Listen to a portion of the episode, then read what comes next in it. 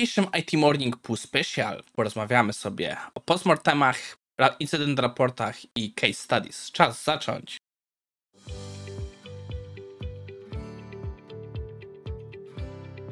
Cześć, nazywam się Maciej Wrodek, a to jest IT Pool Special na 30 czerwca 2023.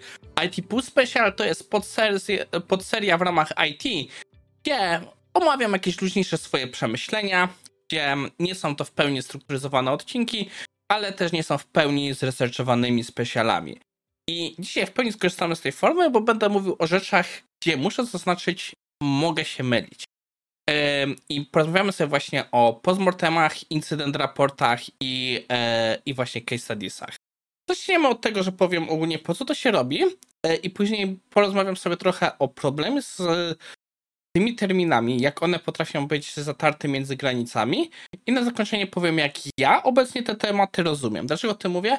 Obecnie w firmie trochę odpowiadam za proces z tym związany i nie jestem zadowolony z tego, jak on obecnie działa i zaczynam po prostu wgłębiać się w tym, co możemy poprawić. I trochę przy okazji zacząłem e, pytać znajomych, jak to robią i wyszło mi parę ciekawostek, ale o tym za chwilę. No to na start powiem tyle. Jeśli chodzi o postmortemy, incydenty i tak dalej, My te dane zbieramy z powodu właśnie continuous learning. Jest to coś, co już w dawnych czasach, e, w sensie nawet w ramach Toyota Industries, oni mieli ten. Nie pamiętam, jak się poprawnie nazywa ten kord, ale chodzi o to, że właśnie było zatrzymywanie fabryki, jeśli coś się szło nie tak, żeby to naprawić i żeby wyciągnąć z tego lekcję i właśnie oni nawet się bardzo przejmowali, jeśli e, zatrzymań zaczęły spadać, bo oznaczało, że spadało właśnie okazję do uczenia się. I w poprawnie działającej firmie te wszystkie narzędzia służą temu samemu uczeniu się i dzieleniu się tą wiedzą. E, są firmy, gdzie tak naprawdę spisuje się incydent raporty chociażby po to, że jest jakiś wymóg prawny, lub po to, żeby po prostu pewne rzeczy zbierać, bo po prostu papierkowa robota. Ale w większości wypadków to wszystko robi się po to, żeby wyciągnąć z tego jakieś wnioski i, wycią- i po prostu je umieć przekazać dalej żeby inne osoby mogły z tego skorzystać. Wy na przykład w takich procesach jak podajże Prince, mówię z głowy, mogę się mylić, to nawet jest zanim projekt wystartuje, to osoba, która ma prowadzić ten projekt musi znaleźć wszystkie case studies czy tam postmortem z poprzednich projektów, które mogą im pomóc właśnie wystartować ten nowy, bo po prostu nie popełnić pewnych błędów. E, czy to wszędzie się dzieje? No niekoniecznie, ale taka jest idea. I podobnie jest z incydentami. Incydent, yy, dobra, może w tym wypadku zanim przejdziemy w to, trochę powiem, jak wejdę w jaki jest problem. Ostatnio zapytałem się znajomych, jak oni to widzą, z jakich oni mają właśnie formularze pod to, jak u nich wygląda proces.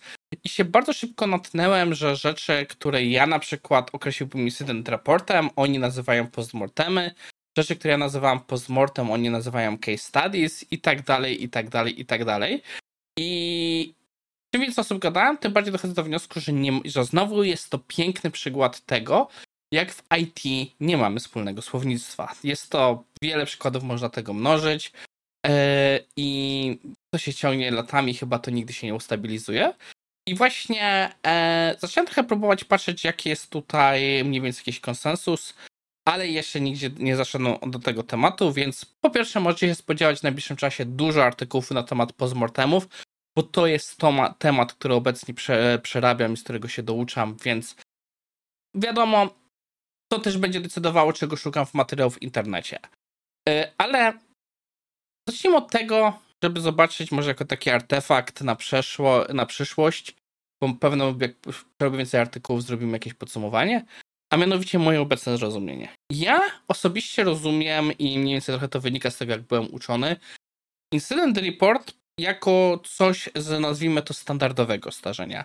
My w pełni akceptujemy jako, tak samo jak po to są testerzy, bo wiemy, że, czy po to się testuje, bo wiemy, że będą błędy i w pełni akceptujemy, że pewne rzeczy się wydarzą, że może nastąpić degradacja serwisu, może nastąpić, że po prostu coś e, zostanie źle wydane, nastąpi jakiś błąd, i to bym tak nazwał może takim błędem standardowym. Czyli jest coś, co w pełni się spodziewamy, że może się wydarzyć, się niekoniecznie, że w taki dany sposób, ale liczymy się, że pewna kategoria błędów nam zawsze ucieknie.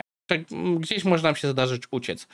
I Incident Report właśnie w pewnym sensie służy do spisania czegoś takiego. To nawet nie jest proces, że musi wiele osób uczestniczyć. Może nawet osoba, która prowadziła naprawianie, spisać takie najważniejsze wnioski, czyli co się wydarzyło, e, kogo to zainfektowało, jaki był takim, e, co zrobili, żeby to naprawić. Czasami ja nawet obecnie przez to, że my póki co budujemy świadomość, ja nawet mi wystarczy, jeśli pójdzie po prostu link do e, po prostu nawet pull requesta, który to naprawił, czy na przykład informacja, jakie ustawienia zostały zmienione, lub cokolwiek innego. Może tutaj być także lekcje do wyciągnięcia na przyszłość, jakieś akcje planowane, co można poprawić, ale myślę, że w tym wypadku bardziej się chodzi o to, że jeśli gdzieś coś podobnego się wydarzy w przyszłości, to żeby móc na szybko zobaczyć, sprawdzić, a czekajcie, my coś podobnego mieliśmy, jak to wtedy naprawili. No i także patrzeć, jeśli jakiś problem się powtarza, to czy to jest faktycznie problem, który już mamy wielokrotnie i może on wymaga jakiegoś większej naprawy, bo to nie są po prostu pojedyncze incydenty. Jeśli chodzi o postmortem, to ja tutaj patrzę na postmortem takie właśnie coś pomiędzy case study, a właśnie incydent raportem, bo są błędy, które wydarzą się na tyle duże, miały tak za, szeroki zakres, że incydent report to jest za mało. Powiedzmy, strona główna e, aplikacji sklepu internetowego nie działa przez ładnych parę godzin. To już nie jest coś, co można opisać incydentem. Można oczywiście tego zrobić incydent, ale tu już trzeba zrobić po, postmortem, na przykład czemu to tak długo trwało, czemu nikt nie złapał tego szybciej. E, I to już nie są proste pytania do odpowiedzi, i najczęściej jest więcej niż jeden przyczyna błędu. W wypadku incydent reportów najczęściej będzie jedna przyczyna błędów, da się zrobić krótko z analizy, że jest jeden powód. Postmortemy często możemy założyć, że to, że to jest bardziej skomplikowany proces, gdzie nastąpiło wiele błędów. Na przykład jednym z błędów było, że ktoś wypuścił zmianę nie do końca, i nie do końca ją przetestował. To jest powód na przykład, dlaczego w ogóle produkcja się zepsuła. A na przykład minęło wiele czasu, zanim e, reszta organizacji się skapnęła, że coś jest nie tak. I to jest drugi rzecz do analizy, bo na przykład nie zadziałały monitoringi lub nie zadziałały inne procesy, które powinny zadziałać. Robię przykłady. Równie dobrze postmortem moim zdaniem nie musi być kompletnie z porażki. Na przykład jak projekt się skończy, to można zrobić postmortem. Nie jest to do końca retrospektywa, to, jest właśnie takie już bardziej wyciągnięcie lekcji, co zadziałało w projekcie. To można w wypadku podobnych projektów zrobić lepiej i jakie na przykład rzeczy zadziałało, czego nie zadziałało. Powiedzmy, my właśnie skończyliśmy jeden taki projekt i takim największym dla nas lesson learned było, że on by się nie udał, gdybyśmy nie postawili tak mocno na komunikację, że było bardzo dużo komunikacji, co ma się dziać, było bardzo dużo synchronizacji między różnymi działami, a i tak w pewnym miejscu gdzieś ta komunikacja lekko siadła, że nie mieliśmy regularnych status checków między dwoma działami i gdzieś w pewnym momencie nam to zniknęło z oczu. Ale to była taka mniejsza rzecz. E, no i mniej więcej to jest miejscem, w którym chciałbym to powietrze skończyć. E, dobra, jeszcze case studiesy. Dla mnie case studies to jest ogólnie postmortem. To jest to samo, co w, te, w moim takim zrozumieniu, które rozumiem, że to jest to samo, co postmortem zakończonego jakiegoś projektu, tylko bardziej case studies uważam, że najczęściej w moim takim zrozumieniu robi się, gdy czymś chcemy faktycznie to pokazać na zewnątrz, czy chcemy tym się bardziej pochwalić, na przykład zrobić z tego jakiś już większy research, czy podstawę do czegoś. Okej, okay, no jak widzicie, te terminy mają bardzo wiele definicji, często te definicje się pokrywa. Jak widzę w branży trochę nie mamy stabilności z tymi terminami, więc ja też nie chcę, żebyście tutaj traktowali, że te, jak ja te rozumiem te rzeczy, to jest jedyna wyrocznia.